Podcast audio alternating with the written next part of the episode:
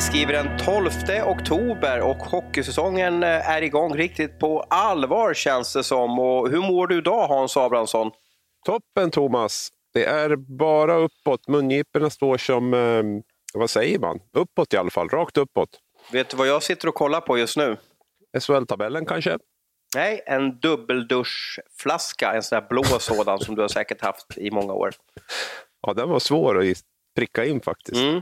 Men den ska jag stoppa i munnen tänkte jag när du pratar så att jag inte avbryter dig. Så att, hänger du med vad jag menar? Alltså att det blir som en, eh, ja, inte vet jag, ett, ett hjälpmedel så att du får prata till punkt. För att jag har förstått att jag eh, har lite, jag, jag är inte respektfull mot dig ibland.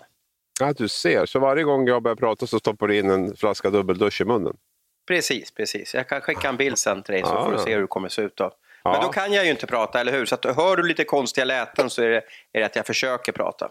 Ja, men det låter bra. Nej, men det är ju skönt att vi har lyssnare som engagerar sig i vårt program. Det är ju till viss del därför vi håller på med det här. Så det är jättekul att folk hör av sig med både positiv och negativ feedback. Ja, ni, ni, får gärna komma med tips hur man kan göra med annat. Jag hade tänkt en tennisboll, men den fick jag inte in i munnen. Då. Men, men hur, hur, skulle du göra för att, ja, för att hjälpa mig i det här? Nej, men jag tycker dubbeldusch-grejen verkar bra. Jag blev lite tagen på sängen här faktiskt. Jag var inte riktigt förberedd på den. Men eh, dubbeldusch tror jag kan vara lösningen på det här. Men jag vill ju framåt. Jag vill ju utveckla oss och podden och sådär. Då tror jag att den här flaskan kan hjälpa oss. Ja, vänd botten bara in i munnen så att inte du ja, faller skulle hända någonting så att du får massa dubbeldusch i munnen. Så blir jag tyst i fem minuter så förstår jag att det har gått åt helvete. Ja, då är det att tvätta munnen. Men du, var... du har haft en icke-hockeyhelg då. Dra en snabb resumé eh, varför du tog time-out i helgen. Nej, men man behöver ju vara ledig någon gång också. Jobbar man 35 helger i rad så blir det väl kanske inte så bra. Så att, eh, jag försöker någon gång ibland att, eh, att även vara ledig en helg. Och nu hade vi en snäll chef som gav mig ledigt och då, eh, sen har vi ju så många skickliga medarbetare på Sportbladet så att jag märkte att det fungerade alldeles ypperligt även utan mig. Jag var i Karlstad i torsdags, kollade eh, ja, hockeymatchen, tänkte säga ett kvällstidningsord, men jag säger hockeymatchen mellan Färjestad och Linköping. Sen i lördag såg jag Djurgården-Oskarshamn, så jag är full av intryck och information och kunskap och, och energi. Eh, I torsdags var också en av matcherna som man kunde se att det började komma lite publik faktiskt. Färjestad har ju ett Fantastisk restaurangplan där, eh, så de kan ju ta in nästan tusen personer i loger, restauranger. Eh, de har ju sådana här, eh, vad heter det, Gull Lounge och Star Lounge och allt vad det heter där. Eh, så jag var och pratade med lite folk då, så de betalade faktiskt 499 kronor för att se en hockeymatch och fick en bit mat. Det tycker jag var ett väldigt prisvärt eh, alternativ av Färjestad. Du var väl i, i Gävle där, vad, vad fick man betala där? 14,95 för mat och hockey blev det där. Det är ju hemskt. Ja, de var väl självkritiska Brynäs där också, kände att de hade väl inte riktigt känt av eh, eh utbud och efterfrågan riktigt där när de satte, satte priset där. Så att de Nej, kommer och Färjestad, ja. Färjestad sålde inte ut. Nej, inte ens på 4,95 för eh, mat och, och, hockey. Det är ju... Nej, men jag tror också att många, många går ju på hockey eller på idrott också för att träffa många andra. Och är det lite halvtomt i eh, fullsatt lockar ju alltid ännu mera människor på något sätt. Va? Är det lite sådär så tror jag inte efterfrågan blir så där superstor heller om man är 900 inne i Löfbergs arena. Så det, det, det, är ett, det är ett svårt läge för dem. Men, men, men det, det kanske blir mera vanligt framöver att, vi, att, det, att det blir på det sättet. Så det kanske är en anpassning också. Jag minns hur vi satt och suckade och stönade där den där sista omgången av SHL när det spelades utan publik. Nu har vi spelat sex, sju omgångar utan publik här och vi ska inte säga att det är superkul så, men, men man har ändå på något sätt vant sig vid att det är så. Det är ju inte så att man sitter och ja, tokfrossa där framför tvn när man ser matcherna nu, utan det har ju kommit in i ett stadie där man har, där man har anpassat sig och eh, inte tycker att det är så otroligt anmärkningsvärt som vi tyckte då i, i mars. Jag har inte vant mig, jag har inte anpassat mig. Men, men vi kan väl ta upp det, det lite senare. Vi har ju ett, eh, en, en bock här, eller en notering där det står att 50 kvarstår i publiken, så vi kan väl komma in på det lite senare. Det händer mycket i SHL och Hockeyallsvenskan och tabellerna börjar väl lite att sätta sig. Man börjar prata om att det ska gå tio matcher för då har tabellen satt sig eh, och så vidare. Och nu kommer ju tabellerna, i våra två högsta serier, haltan och fruktansvärt hur länge som helst. Bland annat om man kollar på Hockeyallsvenskan så har ju Modo bara spelat två matcher och några lag har spelat fem matcher. Eh, och vi ser en liknande trend, tendens i SHL, att några matcher spelat fler än andra lag. Så det är väldigt svårt att få en, liksom en helhetssyn.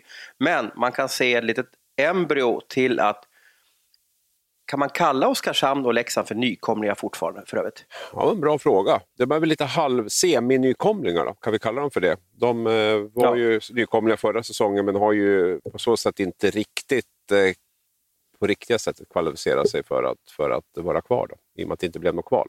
Och dit jag försöker komma till är att jag tänkte säga att nykomlingarna överraskar hittills i SHL. Men, men, och det jag menar är att Oskarshamn och Leksand, båda lagen vann i lördags. Leksand slog Linköping borta och Oskarshamn vann en extremt underhållande och svängig match på, på Hovet som innehöll allt från eh, eh straffar, matchstraff, en del snygga mål till de här att det händer någonting. Ett lag tar ledningen, det blir kvitterat, andra laget tar ledningen. Att du vet, det svänger fram och tillbaka, det är ju på något sätt det jag går igång på. En 0-4 match där det är inga tacklingar, inga matchstraff, inga straffar då, då måste jag gå ut och köpa popcorn för då, får jag, då tycker jag att det är tråkigt.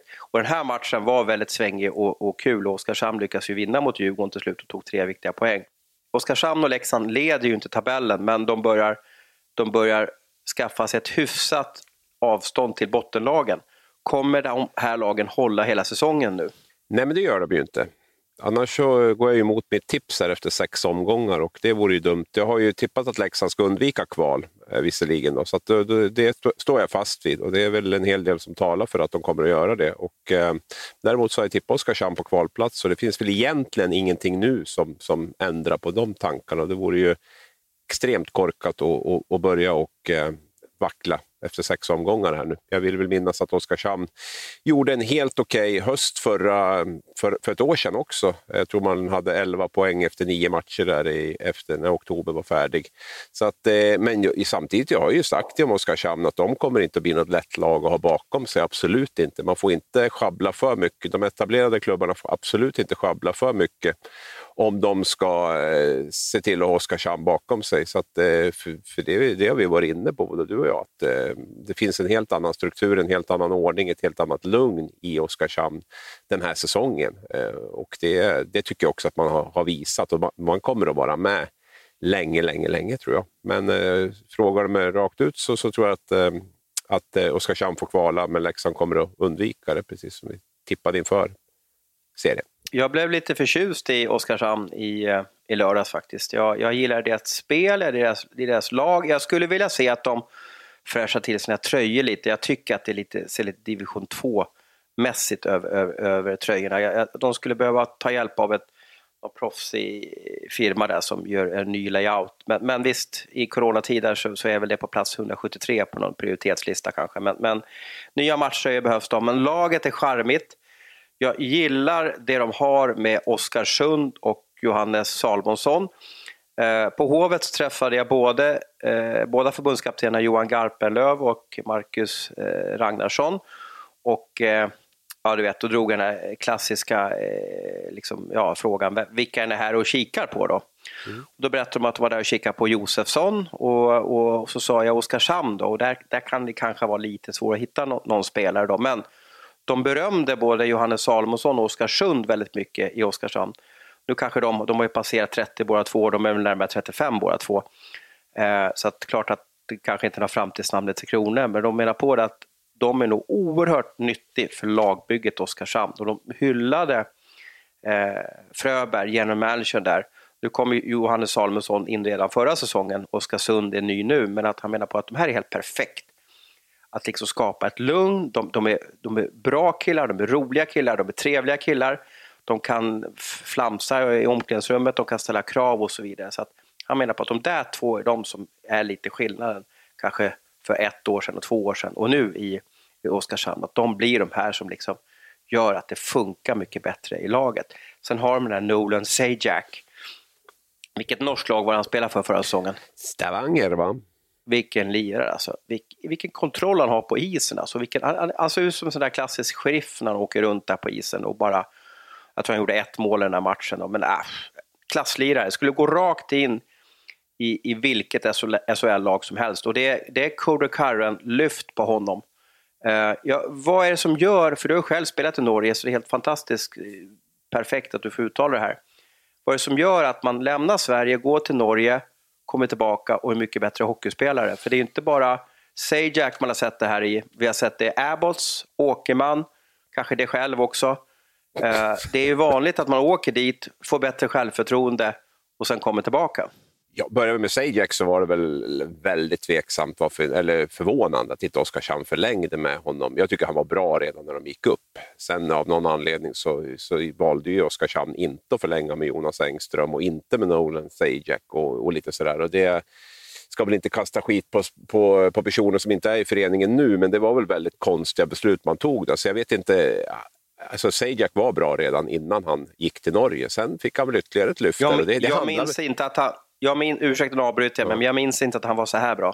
Nej, nej, och nu har vi spelat sex omgångar. Nej, men jag tror att det är jätteviktigt att komma... Alltså det, det är viktigt att du får spela mycket. Alltså spela ditt spel, spela mycket, utveckla de saker du är bra på. Och det, det har väl varit väldigt bra för honom där i, i Norge, för där har jag fått gigantiskt stort förtroende, fick jag i Stavanger förra året där och, och ytterligare tagit ett steg självförtroendemässigt, eh, offensivt spelmässigt och, och, och de bitarna. Och Sen tror jag han har väldigt, väldigt bra eh, uppbackning av både Martin Filander och eh, Jeff Jakobs i, i Oskarshamn där, som, som säkert har jobbat och Tjärnqvist. Ja, men som kanske han mer om forwards då, Tjärnqvist. Men, men om vi tittar på på Jakobs och, och även Filander. Filander hade ju backarna i Malmö så han har ju, har ju stor impact på, på backspelet och eh, Jakobs är ju, en, är ju backtränaren där. Så jag tror att de också har slipat till, för han har ju vissa defensiva brister. Nu såg jag bara highlights från, från Hovet ska jag erkänna, men jag vill väl minnas att han hade något misstag också som, som Djurgården gjorde mål på. Eh,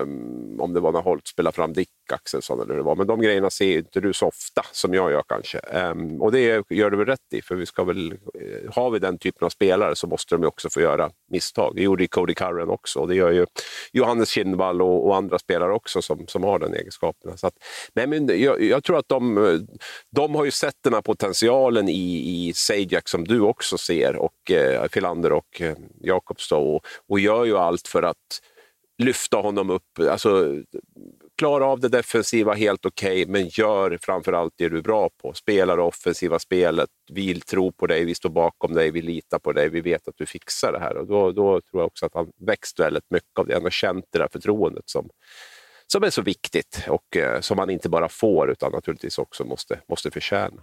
Jag kan också säga det att jag, jag trodde inte att han skulle vara så här bra. Vi pratade om Sajak i ett tv-program vi gjorde om Oskarshamn innan säsongen och vi var inne på att vi trodde att han skulle vara en bra offensiv back i SHL. Men jag kan väl också erkänna att jag trodde kanske inte att han skulle vara så här bra. Sen är det ju en grej till med Oskarshamn och det är ju deras powerplay har ju varit grymt bra. Jag tror att de har gjort hälften av sina mål i, i powerplay och man har ett boxplay också som är ett av seriens absolut bästa. Och tittar man på, på special teams till exempel på, på Oskarshamn där, så, så, så ligger man ju på svindlande höga nivåer där efter, efter sex matcher och det har ju, det har ju verkligen hjälpt dem att, att vinna matcher.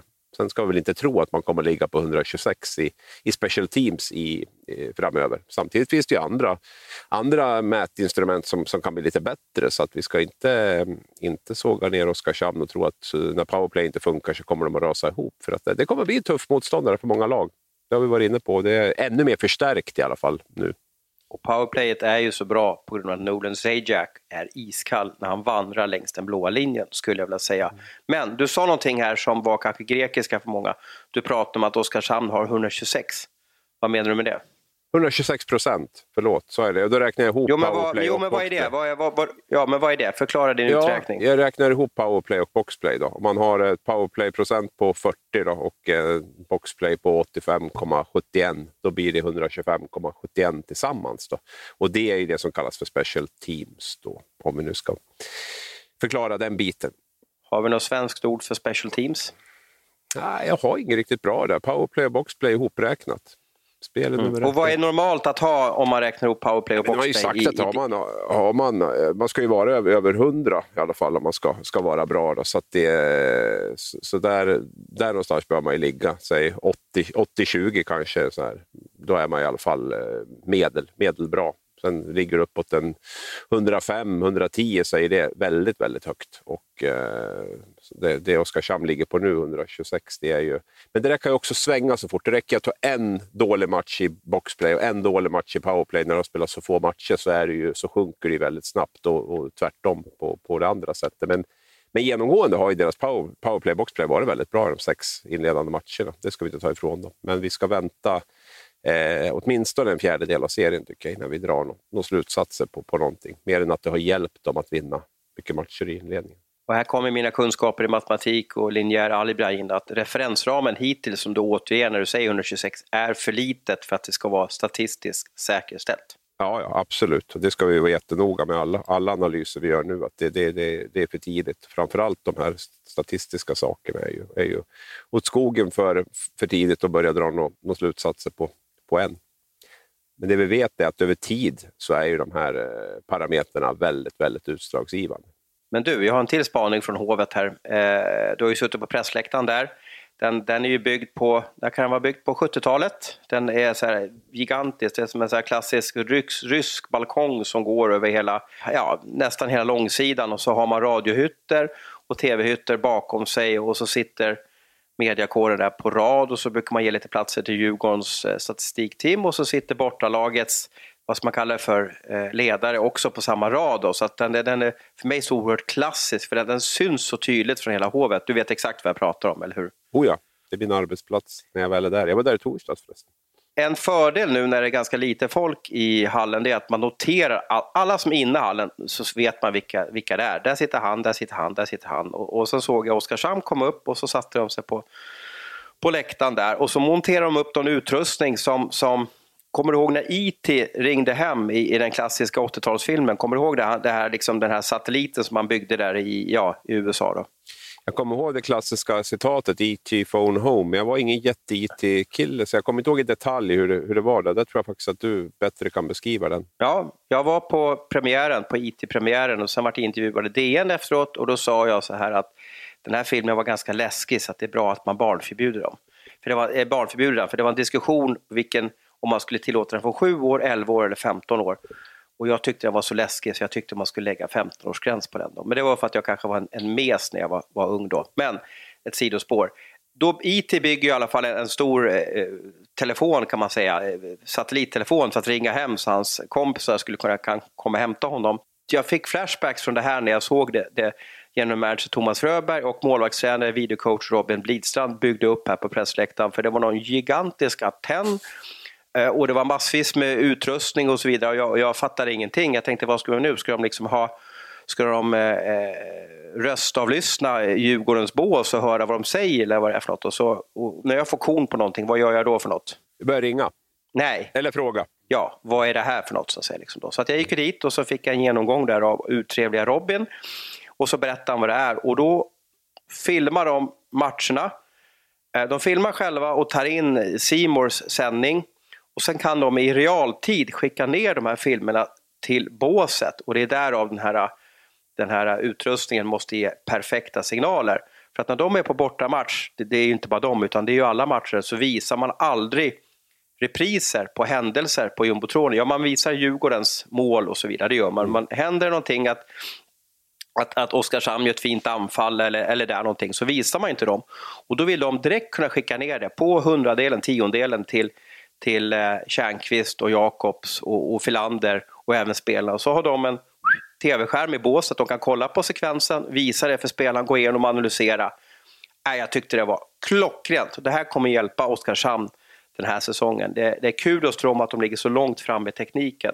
Det här har jag bara sett i NHL, jag har inte sett det i SHL än så länge när de kollar upp det med andra klubbarna i så fall, om det bara är Oskarshamn som har den här möjligheten. Ja, det är första jag sett i alla fall, att de mm. gör det så snabbt nere. Sen, mm. sen är jag övertygad att man kan ha telefonkontakt och så vidare, ha en sån här kontakt. Men det här var den, det, och enligt dem själva så var de väldigt långt framme i det här. Då.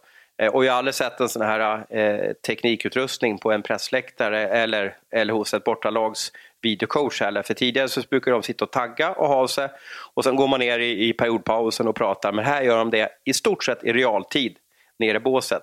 Det är kanske fler klubbar som har det, men jag tyckte att det var helt perfekt. Man ska nyttja modern teknik för att få alla möjligheter som finns i ett bås. Ja, absolut. Och det är när utvecklingen går i rasande takt. Sen vill jag väl säga det med Oskarshamn, det jag tror också har varit en, för, eller en, en eh, framgångsfaktor för dem den här säsongsinledningen är ju deras eh, ingångsvärde i den här säsongen. Men Oskarshamn visste ju exakt sin plats. De visste att vi måste göra allting perfekt, vi måste jobba hårt, vi måste följa exakt våra linjer och strukturer för att vi ska ha en chans att vara med och, och mäta oss med de andra lagen. Och det är ju, är ju en jättefördel att ha den insikten i, i, i laget, det tror jag har hjälpt dem mycket. Om vi tar motsatsen där så har vi kanske Färjestad och HV71 som, som har, eller kommer att få eller har resetat systemet nu. Gick in i säsongen med lite fel värderingar. Färjestad har ju varit en framgångsformel under många år, topplag där och spelat bra hockey.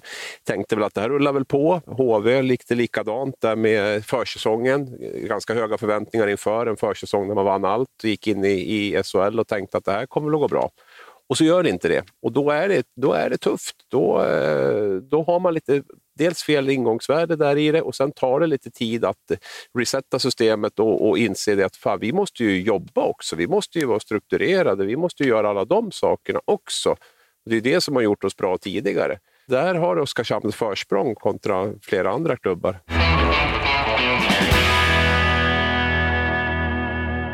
En eh, annan snackis, jag vet inte hur det var för dig när du var på, på Gotland. Hann du se avstängningar nere på, på, i Visby där, eller var du helt frånkopplad? Eller hade du koll på de här, eh, det var ju tyvärr då en del ful, fyra fula tacklingar i lördag som nu på, på söndagen här resulterade i lite avstängningar. Har du koll på de här eller, eller var, du, var du mitt inne när, när, när du och frugan höll på att dreja dreja krukor där eller? Det finns ju hjälpmedel att ta till, vet du, sånt som Oskarshamn har och sånt där, så man kan se grejer i efterhand. Så jag, har, jag, har, jag håller mig uppdaterad, absolut. Men när du är på en sån romantisk eh, helg då, liksom, säger du så här, ah, men nu ska jag gå på toa och så går in på toa och drar upp mobilen och stenkollar, eller vad, vad har du för knep för att, för att, för att hålla dig uppdaterad?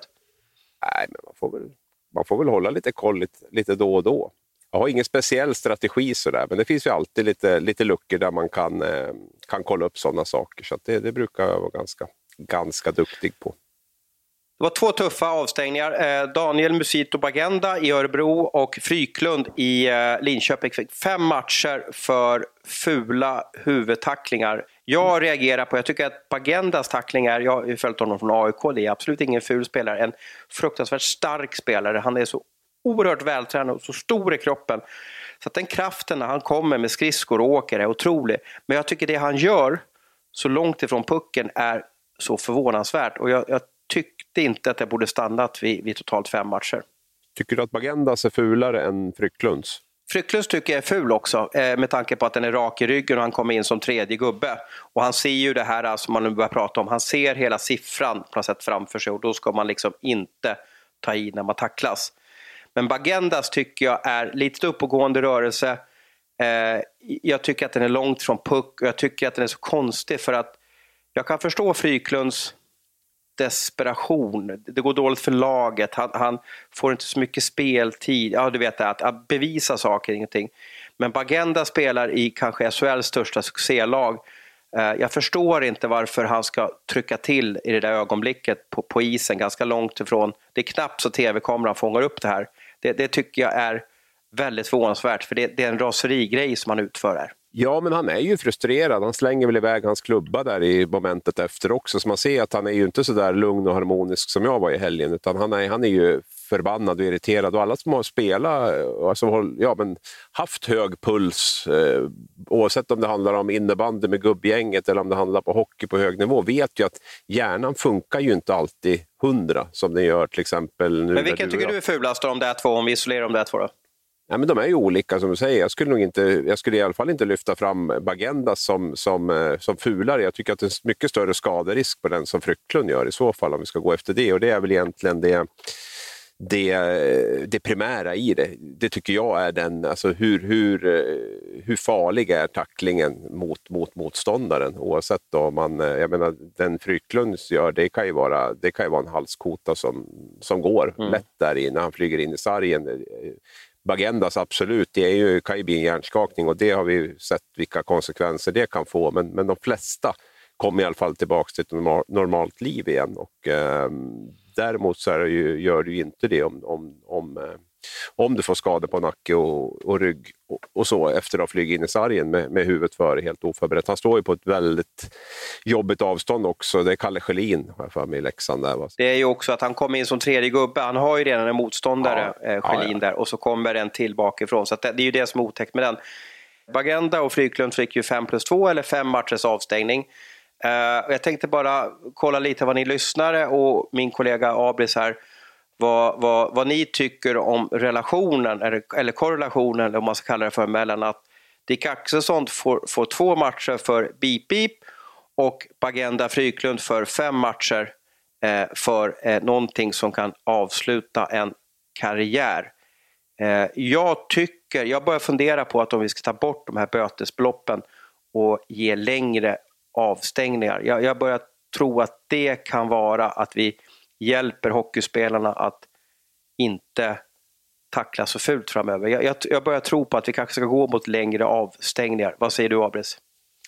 Eh, ja, det har vi väl haft en diskussion om. Nu har man ju hittat någon typ av praxis här på, på de här matcherna där man har, eh, har följt det och det har väl inte blivit någon större förändring. Man hade väl en, en höjning förra året där man, där man tyckte att man skulle gå hårdare åt de här hårdare åt de här situationerna och då blev det väl en, en liten höjning. Men, men eh, det finns väl alltid diskussioner runt det där om man ska höja upp dem till, till tio matcher istället för, för, eh, för fem matcher. Jag, jag tycker den är svår. Jag, jag, jag, men jämför, jag, vet ju också, jag vet beep, ju också beep hur jämfört med en, en, någonting som kan avsluta en karriär? Jo, allt kan ju avsluta en karriär på ett sätt. Jag vet ju också hur otroligt många beslut du måste ta där ute på isen som hockeyspelare och hur otroligt fort det går och, och eh, hur otroligt svårt det är att göra rätt hela tiden. Och det är klart att jag skulle väl gärna se, i alla fall åtminstone, att man, eh, och det har man ju också till viss del, men ännu hårdare tag mot återfallsförbrytare i så fall. För att man måste ju också kunna göra fel ibland, eh, någon gång. Men det viktigaste är väl att man visar att man, att man lär sig av, av det som händer. Jag, Visst, man kan väl hamna uppåt en sju matcher på, på en smäll som, som Fryklund gör, absolut. Men då måste man ju också ändra i då måste man också gå in med direktiv om att nu, nu höjer vi det här. För man kan ju, annars kan man ju inte ge hårdare för, för något som man bedömer som liknande man har gett fem matcher för tidigare. Så det, blir det, det, krävs ju också direktiv uppifrån i så fall, att man ska gå ännu hårdare åt, åt de här grejerna. Och visst, jag, jag har det finns annat att försvara än en spelare som åker runt och, och gör fula tacklingar. Men vi ska väl också ha viss förståelse för att eh, ibland blir det tokigt. Det händer ju till och med att du och jag gör, gör fel ibland. Va? Så att det, jag, hellre, hellre i så fall när man visar upprepade gånger att då, då, då, ska, man, då ska man ha mycket hårdare straff. Har du förberett eh, Abris ja, löneskola nu? Ja, jag hittar på Fryklunds här nu. Ja, men precis. Ja, men nu ska vi försöka ta det väldigt så här. nu får du en ny chans att förklara det för mig som att jag vore fyra år gammal. Eh, 19 320 kronor fick eh, Frycklund i böter och ni som följer vår skola vet ju att han har fått eh, match, två matchers eh, böter motsvarande två matcher. Så då måste vi först och främst bena ut det här med, med de här två matcherna. Så då tar vi 19 320 och delar det med två. Och då får vi fram att eh, han har fått 9 660 kronor i böter per match. Då. Men sen vet vi också, vi som var med förra, helg, förra veckan, här, att han har ju också fått en eh, litet extra straff på 15 procent för att han eh, då är uppe på de här fem matcherna och när det blir två matchers böter också. Jag tror det börjar på fem. Jag tror jag sa fyra förra gången, men jag har för mig att det är fem matcher och sen uppåt där så får man två matcher i böter. Så då måste vi först räkna av de här 15 procenten eh, som han har fått pålagt då på de här. Och det gör vi enklast genom att ta 9 660, dela det med 1, 15, vilket är 15 procent. Och då är vi nere då är vi på 8400. Så det är hans eh, böterbelopp per match. kan vi säga. Det är det som man räknar ut hans, på hans lön. Så nu måste vi ta 8400 och dela det med 12,5 procent, vilket blir 0,125. Och då får vi fram eh, 67 200 får jag det till då, på, på Mikael Fryklund. Är det hans eh, bruttolön med bonusar, eh, nettolön eller vad? Det ska, vad, väl vara ska hans, eh, det ska ju vara hans eh, snittlön. Sen kan man ju inte räkna in, det går ju inte att räkna in slutspelsbonusar och sånt, utan det är ju den, det är den lön han har. För vi vet ju inte om man kommer att spela någon slutspel eller om man kommer att göra poäng eller någonting. Så det är hans grundlön som man, som man räknar på. det. Tror inte man har gjort om nu, om, nu, om, nu, om det här inte sjönk ner hos, hos alla som lyssnade, eh, har du möjlighet att, skriva en tweet med en liten fusklapp då, tror du, framöver? Så man kan följa dig på 69 abris och så får man en liten eh, löneskola där. Kan vi göra så? Och ja, för det, det kan vara lättare kanske att läsa det här än att lyssna en gång i en, i en podd som, som är för övrigt ganska rörig. Då. Ja, men vi kan absolut... Eh, jag ska se om jag får med det allt i en tweet, där, men det kan nog bra. Det ska vi nog kunna lova våra, våra lyssnare, att de ska få det om det är, om det är intressant. Är det intressant det här då? Jag märker lite så skillnad. Jag, brukar, jag har slängt ja, ut Journalister älskar löner. Jag tror det är därför vi ramlar, eller halkar in i, i vinkelvolten här. Då. Ja, du tror vi är mera... Tror inte folk generellt gillar löner? Alltså om vi ska prata plus, vi, har ju då, eh, vi lägger ju saker som vi tror är väldigt intressanta och det finns en köpsug eh, från våra lyssnare, läsare, tittare. Det lägger vi någonting som heter plus och ibland så lägger vi lönelistor under plus. De under 30 som tjänar bäst i din kommun eller paren som tjänar bäst i din kommun eller så mycket tjänar eh, spelarna i innebandyligan och så vidare och det märker vi att det finns väldigt stort köpintresse för det. Så att ja, ska man gå på det så är ju löner intressanta. Mm. Vet du vad Agenda tjänar? Uh, nej, men jag är helt övertygad att du kommer berätta det om någon minut här. Ja, jag gör det nu tänkte jag. Han har 45, ja, okay, okay. 45 000. Det är ett kap kan jag säga. Ganska prisvärd spelare så sätt. Han ja, är smart Niklas är, Johansson. Han har fyllt på med en del bilder. Ja, mm. Han tog ju honom tidigt från AIK där. Han har ju det som eh, strategi nu att värva på hösten. Höstvärva, undrar om han vågar det den här hösten för övrigt då. Ja, du som var på plats på Hovet, vad tycker du om Mikael Hagas avstängning då? Ja, jag tänkte inte ta upp den. Eh, då får vi lägga 15 minuter på det. Eh, jag tycker inte att den är lika ful som Bagenda och Fryklund. det var en lång diskussion om den här tacklingen. Den träffar i huvudet så att det, mm. är, det är eh, helt rätt att det ska, det ska kallas som en huvudtackling. Eh, så det är inget problem med det. Men det är många i, på matchen, tror jag även Oskarshamn höll med om det här, det var det att nu, nu försöker ju då spelarna, eh, de får ju direktiv från SHL och från tränarna att nu ska vi undvika att, att eh, haka, slasha. Klubban ska man bara hålla på isen, alltså så långt ifrån en motståndare som möjligt. Alltså, det är knappt så att de vågar ligga blad blad längre, hänger med jag menar.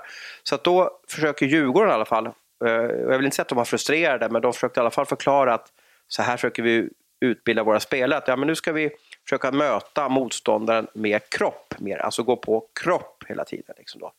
Och då menar Robert Olsson på att ja, men då, det här blir ju lite en utmaning för oss att när vi istället för att kanske liksom möter med klubban mot spelaren så går vi in med kroppen och det här, nu går, träffar han huvudet så det vart ju fel. Då. Men han sa att nu får vi då träna ännu mer på att lära oss tackla ännu mer korrekt och så vidare. Så att, eh, det gick ju bra för, för Oskarshamnsspelaren tack gud och det gick bra för, för eh, Bagendas offer och Fryklunds offer också. Men vi har, det finns lite att jobba med nu när, när vi börjar bli stenhårda med, med klubborna. För att klubborna är ganska bra faktiskt, för då kan du begränsa farten på motståndaren. Du, kan, du behöver inte vara där riktigt med kroppen, men ska du vara där med kroppen och buffa, tacklas och så vidare, så finns det en risk för att fula tacklingar ökar. Ja, alltså det jag tycker är problemet lite grann med Hagas tackling, nu har jag inte följt med om det var någon debatt runt det här i, i, i lördags, där, men det, det, jag tycker är problemet med hans tackling är ju Janosik. Janosik ser ju att Haga kommer, men han väljer ju ändå att trycka ner blicken i isen och hålla på och böka med pucken samtidigt som, som Haga kommer emot honom. Mitt, min fråga blir ju lite där, och det här, blir man ju, det här skapar ju heta känslor hos många, men vilket ansvar har Janosik i den situationen? Att vara beredd det någon, på att det kommer en tackling? No, nu, nu, måste jag avbryta dig, för, nu, nu, ja. för det var någon som skrev i, i sitt... Eh, det är ju så att när de här fyra spelarna blev anmälda i lördags, eh, ja i söndags morse var det. Och sen får de, de här spelarna, de får säkert en heads-up redan efter matchen att du kommer bli anmäld. Men det kommer ut till offentligheten på, på ja, ett dygn efteråt och sen så kommer domen några timmar senare.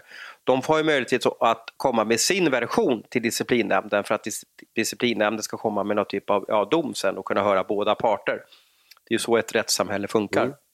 Och då var det en spelare som hade åberopat det här att vi har ju bestämt i svensk hockey att det ska vara 60-40 i en ansvarsfråga eh, mm. mot den som tacklar och blir tacklad. Och det tyckte jag var ganska intressant för att då är det ju faktiskt att då har ju då Eh, då har jag Haga 60% ansvar, han ska inte förstöra någon annan människa. Men den som har pucken och är på isen måste också ha lite ansvar. Så jag tyckte 60-40 grejen var ganska intressant. Det gav mig en oh fan eller aha-upplevelse.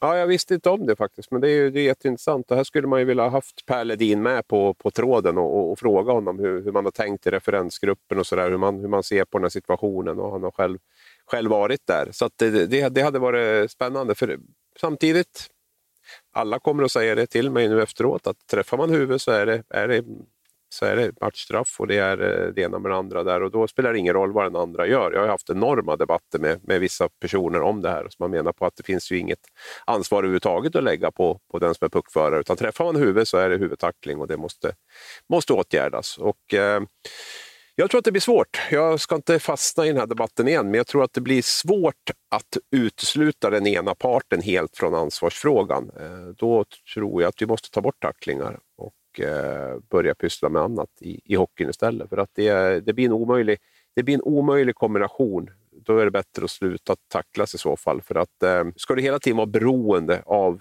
vad den andra gör så är nog insatsen alldeles för hög för att gå in och, och, och tackla. Du måste veta det att går jag in med bröstet, smäller på, så, så eh, så klarar jag mig undan. Nu ska vi säga att Haga har en uppåtgående rörelse och han träffar huvudet så att den, är inte, den är inte klockren från, från hans sida heller. Så det, det, finns en det finns eh, båda delar i den där. Jag tycker nog att det hade räckt med matchen om jag ska vara helt ärlig på, på den. Jag tycker inte att tre matcher riktigt eh, och en match i böter dessutom. Det blir, ju, det blir fyra matcher då, kan vi säga. Så det, det, den tycker jag är, jag tycker det är den tuffaste lagen. 50 personer i publiken kommer att kvarstå tills vidare. Det blir ingen förändring, det har regeringen bestämt och anledningen till det är att vi har en andra våg av covid-19. Vi har en, eh, en smitta som ökar antal och eh, enligt vissa, viss statistik så ökar antal dödsfall. Det där kan man kolla på väldigt många olika sätt. Men det finns en oro för och det finns en rädsla för att covid-19 kommer ta ett nytt struptag om, om världen och Sverige. Så det här gör att eh, idrottsevenemang, kulturevenemang eh, begränsas av 50 stycken i arenarummet och eh, Djurgårdens general manager, eller, vis, eller han är tillförordnad VD, eh, rätt titel på Joakim Eriksson, så har en intervju med, med Mattias Ek i Hockey News här att ska vi matcha intäkterna mot kostnaderna säsongen så ska vi bara spela med två femmer hur känner du inför att vi kan då ställa sig in på en hel säsong utan publik? Jag tycker vi har varit ganska så, så inställda på att det skulle bli otroligt tufft åtminstone fram till jul och jag tycker inte vi ska se så mycket längre fram, än, eh, längre fram än till jul. Jag tror att det kommer att vara väldigt tufft att få in så, så speciellt många mer än, än de här 500 som vi har pratat om tidigare. Sen vet vi ju inte hur det ser ut efter jul. Jag eh, går åt rätt håll så ser jag väl inte som helt uteslutet att det kommer bli någon typ av kanske procentuell insläpp eller något sånt där. Men, men att vi inte kommer att ha fullsatt på arenorna, det, det, det ju, känner jag mig ganska övertygad om. Jag, jag är inte chockad, utan det, det har växt fram mer och mer. Jag tyckte redan när man gjorde sin första arbetsdag här i början på augusti så kände jag liksom att det här kommer att bli en eh, tuff höst. Eh, och det har väl infriats just för det som vi var inne på då, att allting återgår till det normala igen. Folk ska åka kollektivt, barnen börjar skolan, idrottsgrejerna kör igång igen, folk börjar jobba. Liksom. Det, är, det är så mycket som händer och tro att det plötsligt bara skulle vara faran över när det inte ens finns ett vaccin, det, det är ju jag tycker det var naivt att tro det och i alla fall utgå från det som jag känner att vissa vissa klubbar har, har gjort. Man var ju övertygad om att man skulle spela med, stor, med åtminstone hälften, hälften beläggning i, i premiären. Och eh, det om något var väl väldigt, väldigt långt bort ifrån från sanningen. Så att, eh, nej, jag, eh, jag tycker det har vuxit fram successivt under, under hela sommaren och hösten. Här. Jag ser den här säsongen som en match på två spelplaner. På isen och i kredit och debit i bokföringsprogrammen, det vill säga de lagen som kan hålla nere kostnader och intäkter, eller hålla nere kostnader och öka intäkterna. För nu, nu är det skarpt läge för många och jag, jag, jag tror att regeringen kommer skjuta till 1,5 miljarder, det kommer hjälpa en del klubbar, men de klubbarna som lyckas begränsa alla utgifter och, och, och det är ju tre klubbar nu som har begränsat lönerna också i SHL finns säkert fler i Hockeyallsvenskan och Hockeyettan också, men de som lyckas spela sina kort rätt den här säsongen, de ekonomiska korten, de kommer bli vinnare över sikt. Men tillbaka till din torsdagsmatch här, och det hör ju ihop med de här 50 personerna i, i, i publiken. Berätta om dina upplevelser, hur du tog dig från hemmet i Gävle. Eh, vad heter din förort som du bor i i Gävle? Strömsbro. Berätta när du åkte från Strömsbro och du kom fram till Hovet. Ja, men jag vet inte, ska man gå in på sånt här? Man blir ju, man blir ju antastad från alla håll och kanter, hur man, var man semestrar och man åker och hur man gör och inte. Så jag vet inte om jag är så sugen på det. Då får man ju skit bara. Men, okay. men, jag nej, men jag... Du, skickade en bild, ja. du skickade en bild från tunnelbanan som jag tyckte var så klockren. Ja, det var ja, helt okej, okay. men sen när, du gick in på Hovet så... Men, men det var ju fel att åka tunnelbana av mig då om vi säger så. Jaha. Jag sprider okay. ju smittan, liksom, så det blir, fast jag har haft det. Då. Men, men nej, nej, men jag, okay. tog, jag, jag, jag, jag, tog tåget från, från Gävle till Stockholm. Och sen tog jo, men du har väl antikroppar, har du inte det? Jo, men jag kan smitta andra ändå tydligen och jag är inte immun. Och, och, och, så, och så framförallt så gör jag att det blir trängre för de andra när jag sitter på, på, på tunnelbanan. Så då blir de smittade för att jag är där och eh, gör att eh, deras utrymme blir mindre. Så att, eh, jag tog Jaha. taxi från okay. matchen det, i alla fall. Det, det, det, det, såg jag faktiskt inte, det, visste nej, jag inte om. Nej, det var väl, ja.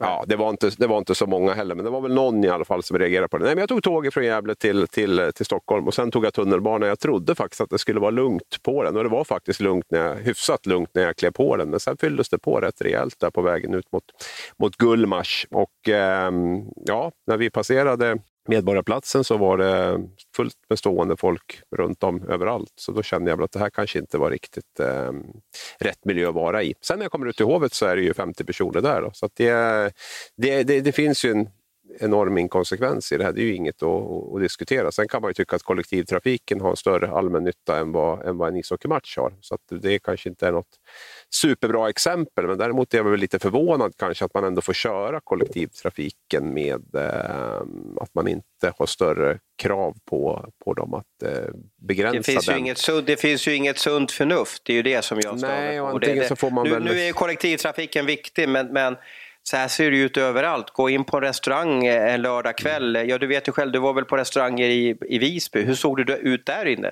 Det var väl, inte, det var väl, det var väl fullsatt, eller hur?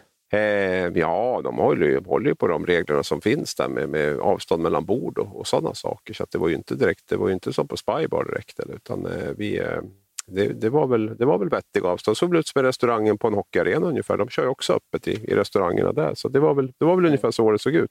Dit jag försöker komma i alla fall. Jag tycker att de måste ändra regelverket. Att, att, att att kultur och idrotten straffas hårt. Men det har vi ältat om förut och jag vet inte om folk orkar lyssna på det här. Men, men det, det, finns inget sunt förnuft hur det ser ut just nu och jag, jag, är lite besviken på de som bestämmer att de inte har snabbare lyckats vrida till det här så att det blir rättvist för alla parter. Jag, jag, jag tycker att vi har en slakt över idrotten och kulturen som är ohälsosam och inte bra över sikt.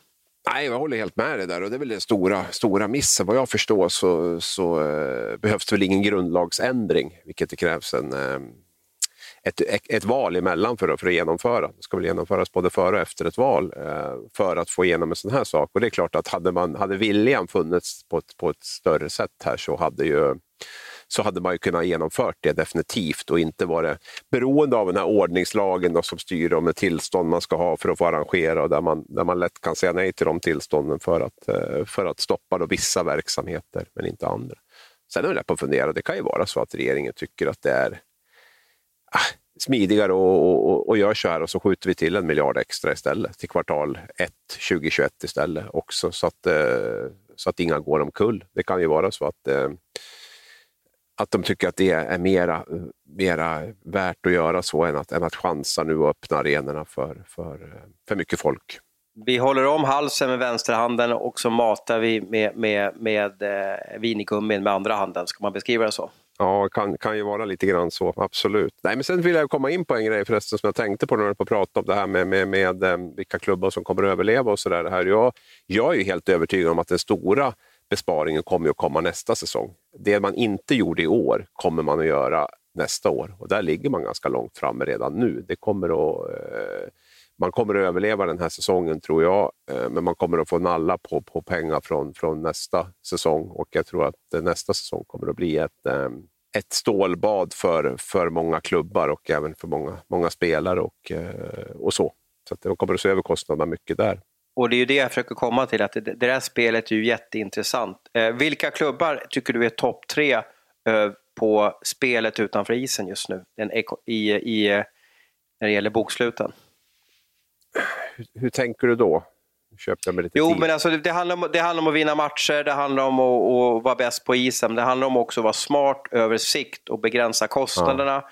och inte göra utsvävningar i, i värvningar och att inte, att inte bränna för mycket pengar. Det gäller att ha likviditet, det gäller att ha, precis som i din hushållsekonomi, det gäller att ha en ganska bra buffert för att de oförutsedda utgifterna nu är astronomiska. Vi kan inte gissa oss till vad det här kommer att kosta den här säsongen. Många har lagt en, en budget A, B med publik, med, med lite publik och så vidare. Men kommer det värsta slaget någonsin så får man spela utan publik och många säsongskortsinnehavare kommer kräva tillbaka sina pengar för de har ju köpt en produkt som de inte får tillgång till. Hänger du med vad jag menar? Mm. Konsekvenserna här, vi har bara mm. sett, vi har bara sett ett, ett, ett toppen på isberget. Ja, jag pratade lite grann med, med, med Luleås ordförande, eller klubbdirektör Stefan Enbom där. Han pratade om att en 35-40 miljoner ungefär är ju det de drar in på matcherna. Då är allting inräknat på, på 26 hemmamatcher. Då med souvenirförsäljning och restauranger och loger och biljettintäkter och sådär. Så det är ju den det är ju den kategorin det ligger. Nu skulle jag väl tro att man kanske kan få en närmare 20 miljoner i statligt stöd, i alla fall när allt är ihopräknat med permitteringsersättningar och det första stödet som kom i våras och det stödet som kommer nu, så är man kanske uppe i, i 20 i alla fall, den vägen. Men det är ju säkert en, en 15-20 miljoner som, som måste som måste in ytterligare. Eh, och det är ju på en klubb som Luleå. Frölunda ligger väl gigantiskt högre när det gäller biljettintäkter och matcharrangemang och sådär, så där finns det ännu mer att hämta. Eh, så det, det, kommer, det kommer bli supertufft. Och det, det har vi sagt, man har ju gått in i den här säsongen med en normal kostym. Jag hävdar ju det, även om det finns siffror som du presenterar via Johan Hemlin som hävdar att man har sänkt lönebudgetar med två miljoner per, per, per lag och sånt. Eh, och då har man till och med jämfört mars med augusti, vilket är helt eh, absurt egentligen. Men, eh, men två miljoner är ju liksom ingenting i det här. Det skulle ju halverats sett till, till intäkterna och det, eh, det har man ju definitivt, definitivt inte gjort. Nu tror jag att man kommer att, att, att, ha en betydligt mindre kostym till, till kommande säsong då, för att försöka äta tillbaka allt det här man har, man har tappat, tappat nu. Då. Nej, men på frågan någon som, som jag tycker gör det bra, som jag har hyllat tidigare. Jag, jag tycker Rögle gör det bra. Alltså. Jag måste säga det. Jag tycker att Abbots är... Alltså vid, vid, vid sidan om isen, är det så du ja, menar? Ja, både och. Alltså, det var väl lite grann det det handlade om, både på sidan och på, på isen. Alltså den kombinationen då, och, och få ihop det. Man har ju, visst, man har ju inget billigt lag sådär, men man har ju inte varit ute och många har ju liksom sagt att ja, men vi måste ersätta den och den har ju försvunnit och då måste vi ersätta, få ersätta honom och sådär. Men då, jag tycker man har ju tappat både Brithén och, och Karen till exempel då, som man egentligen inte rakt av har, har ersatt på det sättet. Men ändå, man, man gör det bra på, på isen där och det är väl, inte, det är väl hela organisationen jag lyfter fram bröderna Abbott. Men det finns ju även med, med klubbdirektör Kock och, och de här. De, ja, jag, jag tycker de verkar ha bra ordning på, på grejerna där nere. Och, um,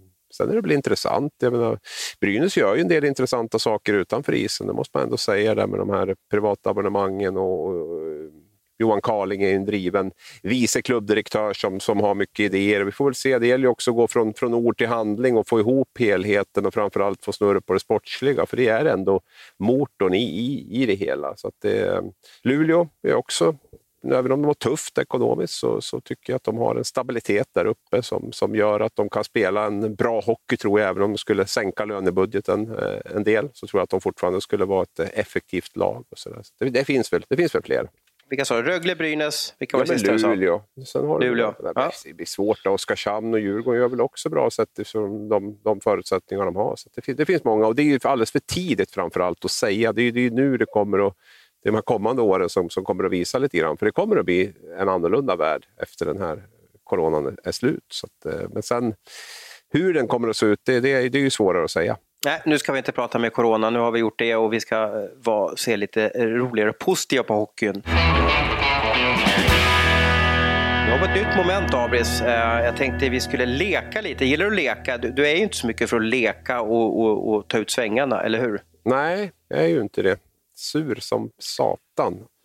ja, eh, jag pratade med en nära, nära vän till dig och då sa han att när du var yngre så kunde du ibland ha en blå måndag. Vad, vad menar han med det? Ja, du tog upp det innan programmet och jag vet liksom inte riktigt vad det var för någonting. Men det var väl att måndagen var väl kanske inte den roligaste dagen i veckan. Så sett tror att den här lagkamraten du pratade om var en sån här som gick och flöjtade bara på dagarna och inte hade något jobb eller någonting utan bara gick, och, gick ut med hunden och sånt. Och då var väl han kvittrande glad när han kom ner till träningen varje dag. Det var väl kanske inte vi andra som fick som fick eh, jobba lite på sidan om också. Jag hängde med Henrik Björkman i fredags då. Ni spelade ihop i Vålrängen och han är ju en charmerande människa som alltid är på gott humör och han sa så här Poddar ni på måndagar med Abris? Och, ja, men hur går det? Ibland har ju han sina blå måndagar och då blir det inget roligt och då blir allting alltid jobbigt, alltid fel och det bara är besvärligt. Och så då funderar jag på, ska vi fortsätta podda på måndagar eller, eller vad tycker du? Ja, vi har ju ganska mycket material att eh, värdera från. Vi har ju spelat in rätt många måndagar så vi får väl göra en utvärdering om vi tycker det har funkat eller inte. Vi kanske ska köra fredag Men... eftermiddag istället så det blir lite tjo och tjim. Men är du mer Gävletjurig på måndagar än på onsdagar? Jag tror inte det faktiskt. Jag tror inte. Vi har ju inte, vi, för oss är vi, vi jobbar ju mycket helger och sådär också, så måndagen kan ju vara ganska skön på det sättet att man eh, har jobbat helgen och det är inte så där jobbigt att tugga igång igen som det kanske är för vissa andra som har gått och, och flöjtat hela helgen. Men till saken, nu ska du få gissa årtal och vi kör det här lite varannan vecka eller när vi känner och så vidare. Så att ja, ja, vi gör lite På spåret-resa här, det är hockey, eh, eh hockey det är hockeymiljö över, över årtalet givetvis och eh, vi får eh, höra av er till, till oss på, på, sociala medier eller mejl eller sms om det här var kul eller inte kul för vi försöker bara få något som ska bryta av så att det inte blir så mycket coronatjafs, ekonomitjafs, avstängningstjafs utan vi vill att ni ska bli, få underhållning när ni lyssnar på oss under, eh, på jobbet eller löparrundan och så vidare. Vi börjar med en väldigt svår ledtråd och sen så på slutet blir det gör enkelt. Vi söker ett årtal, hur enkla regler som helst. Och eh, du får en chans. Har du bränt den så, så, så är det kört. Och så kanske vi kan göra någon poängställning någonting och så får vi se vem som är smartast av dig och mig om ett år. Eh, funkar det eller?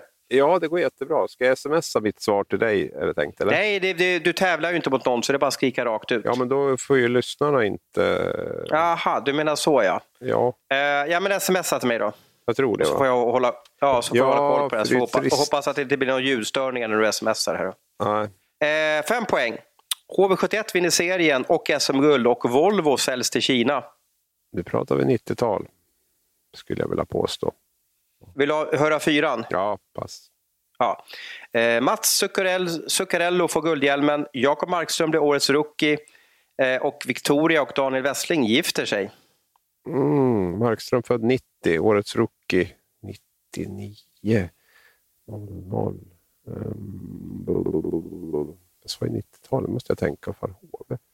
Det var lång betänketid här. Ja, men, men ja, ja, ja. Nej, men jag, jag, nu ska se, jag, jag ser inte något. Vi ska se precis. Jag har fått ett svar på det på fyra poäng. Eh, vi drar vidare här. Eh, tre poäng. Eh, Ros åker på hockey-VM till Tyskland och det här VMet är Bengt-Åke Gustafssons sista hockey-VM som förbundskapten och även Erik Granqvists sista hockey-VM. Eh, Sverige tar brons. Nu var jag, vart jag lite osäker, men vi, vi, vi spelar i alla fall en bronsmatch och det blir mycket diskussioner i en sekvens mot Tyskland för att eh, Bengt-Åke tar en timeout på slutet här som upprör eh, hela tyska folket, i alla fall hockeyintressenterna. Det är på trepoängsnivån. Du har ju redan svarat, så det är inte så mycket att fundera på. Eh, två poäng. Conny Strömberg vinner poängligan i Hockeyallsvenskan. AIK går upp i SHL, Rögle åker ur och vi söker alltså ett årtal. Och på en poängsnivån så, så försöker jag vara eh, ganska lätt här, eh, eller försöka vara enkelt för, för er lyssnare. Det kanske är något som har bara blivit inprättat i min hjärna här, men jag kommer i alla fall aldrig glömma de klassiska SM-finalerna mellan HV71 och Djurgården. Det var, det var sex matcher i finalen som gick till historien. Det blev Stefan Livs tyvärr sista SM-guld också. Och Hans Abrahamsson fyller 41 år det här året. Vilket är året jag söker? 2010! Ja, bra, snyggt, snyggt. Va, vad tog du på? Victoria och eh, Daniel eller? Nej, nej, Markström och HV där.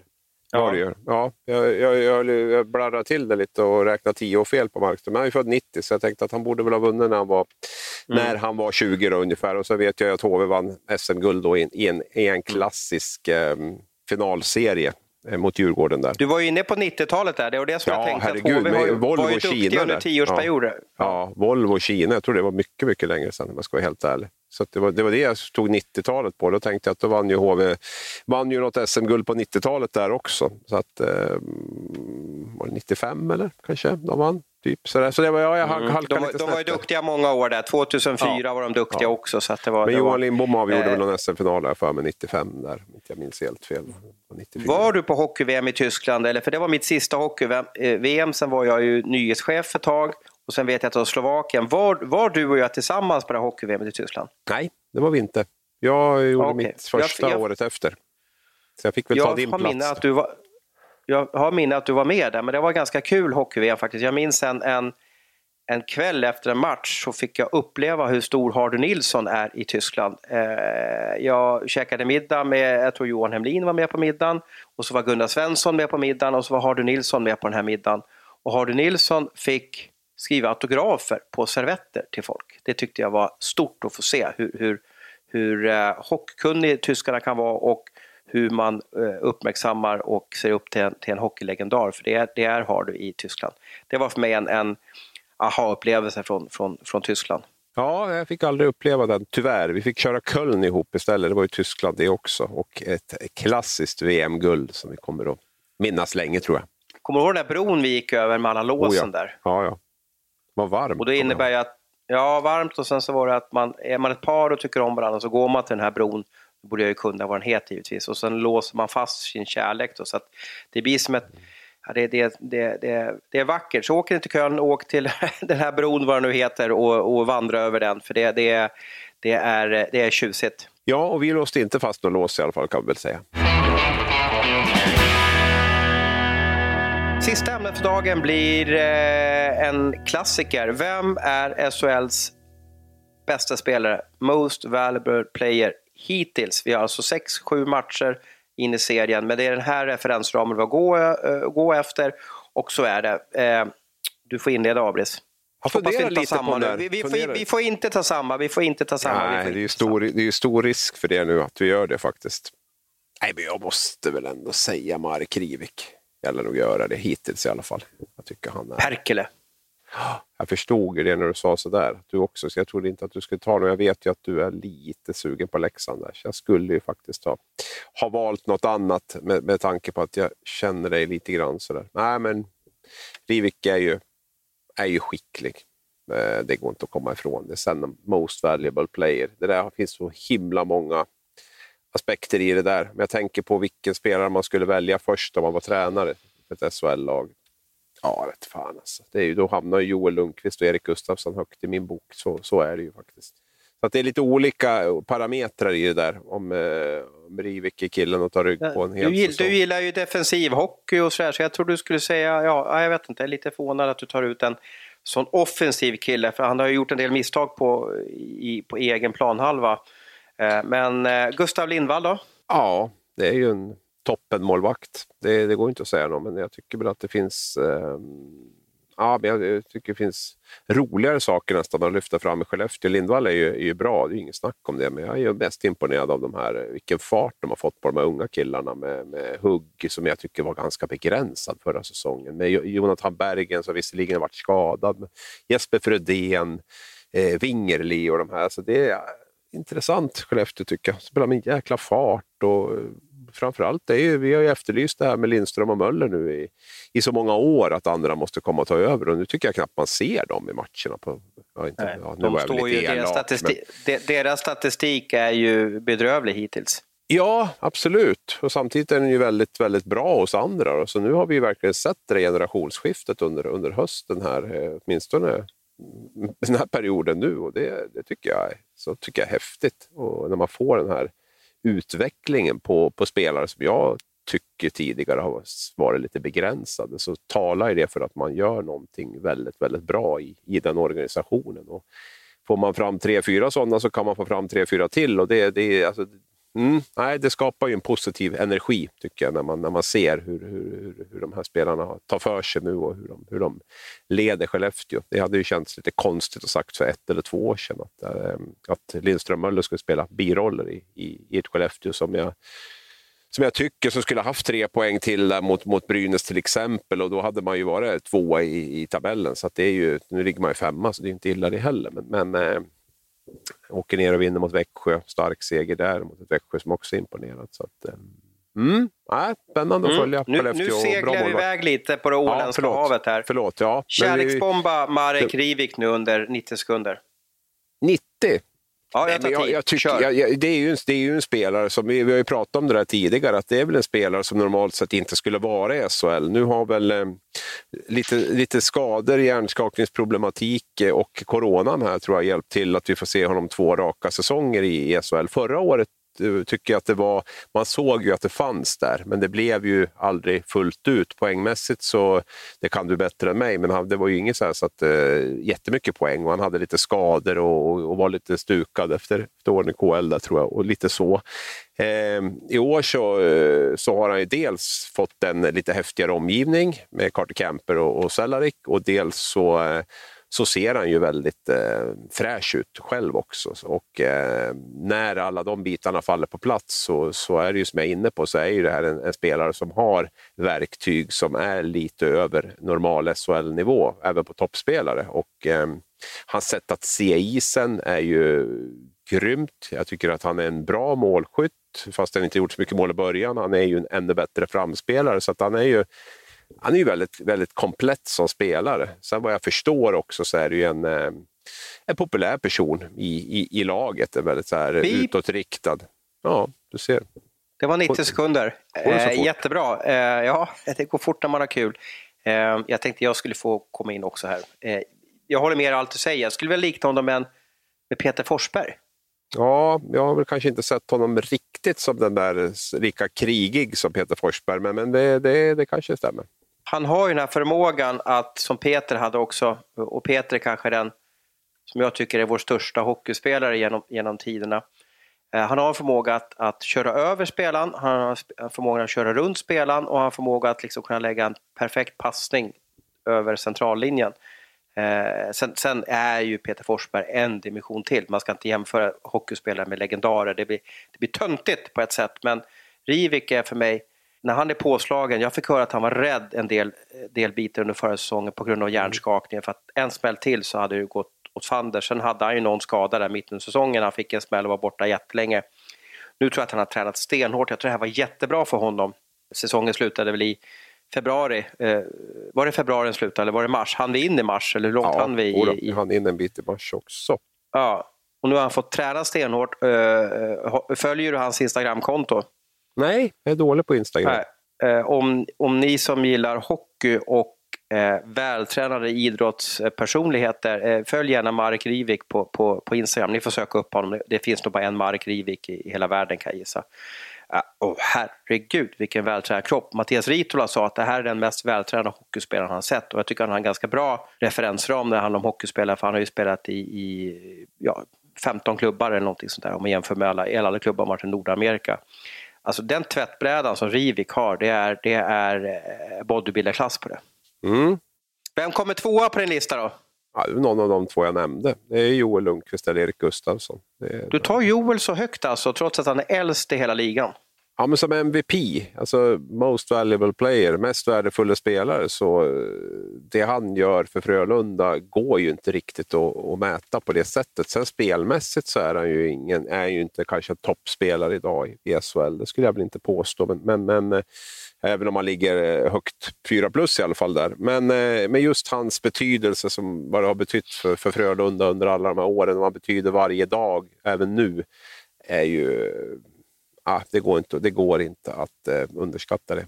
Jag får säga det där. Men det är lite grann, det där är så svårt att Anton mäta. Rudin följer du på nära ja, håll. Ja, är otroligt skicklig. Alltså det är också en favoritspelare som, som jag tycker är grymt skicklig faktiskt. Och eh, även bra, driver på bra också. Nu har han otroligt svårt med att inte har tränat på nio månader egentligen med laget. Det, det, ju, det ska ju inte gå. Han kommer ju ha, det kommer att gå upp och ner för honom under säsongen. Det, det får vi bara vara beredda på. Men, men eh, med puck och, och blick så är han ju en av de absolut skickligaste. Då är han nosar i, i bakhasorna. Tack för trevliga 65 minuter Abis. Det, det är alltid en eh, härlig start på veckan att få det här poddsamtalet med dig. Eh, vad ska du göra nu? Vad händer? Vad kan lyssnarna, tittarna och läsarna förvänta sig av, av dig den här veckan? Du vet ju att jag hatar den där frågan. Jag vet inte, de ska inte förvänta sig ett skit. Och det, det, som jag, det som jag verkligen vill att de ska förvänta sig, det vill jag inte tala om. För det ska jag börja Nej, okej, jobba med nu. Så att, eh, men jag hoppas att de ska få en intressant intervju. Vi har väl en bomb få- på gång, kan vi berätta det också? Ja, Det... Men vi säger inget mer än så. Vi måste teasa okay. lite. En ja, precis. Och så ska de, ska få en intressant intervju, räkna med. De ska få ett intressant dokument och de ska få en intressant nyhet. Och jag är, så över, jag är så överlycklig för jag ska åka till Örebro på torsdag och se Örebro mot, eh, eh, var det Luleå nu de mötte? Örebro-Luleå på torsdag tror jag var. Jag ska till Örebro i alla fall. Jag har varit osäker om Örebro, Rögle, Örebro, Luleå nu. Eh, dåligt av mig. Men jag ska åka och se den toppmatchen och det är jag överlycklig för. Det låter bra. Kovac mot sitt gamla lag då? Exakt, om det var. Jag, jag måste dubbelkolla. Jag vet bara att det var eh, seriefinal i Örebro. Jag vill gärna åka dit. Dit ska jag och jag hoppas att det blir en fantastisk hockeymatch. Puss och kram på er alla där ute. Ha en riktigt skön vecka nu.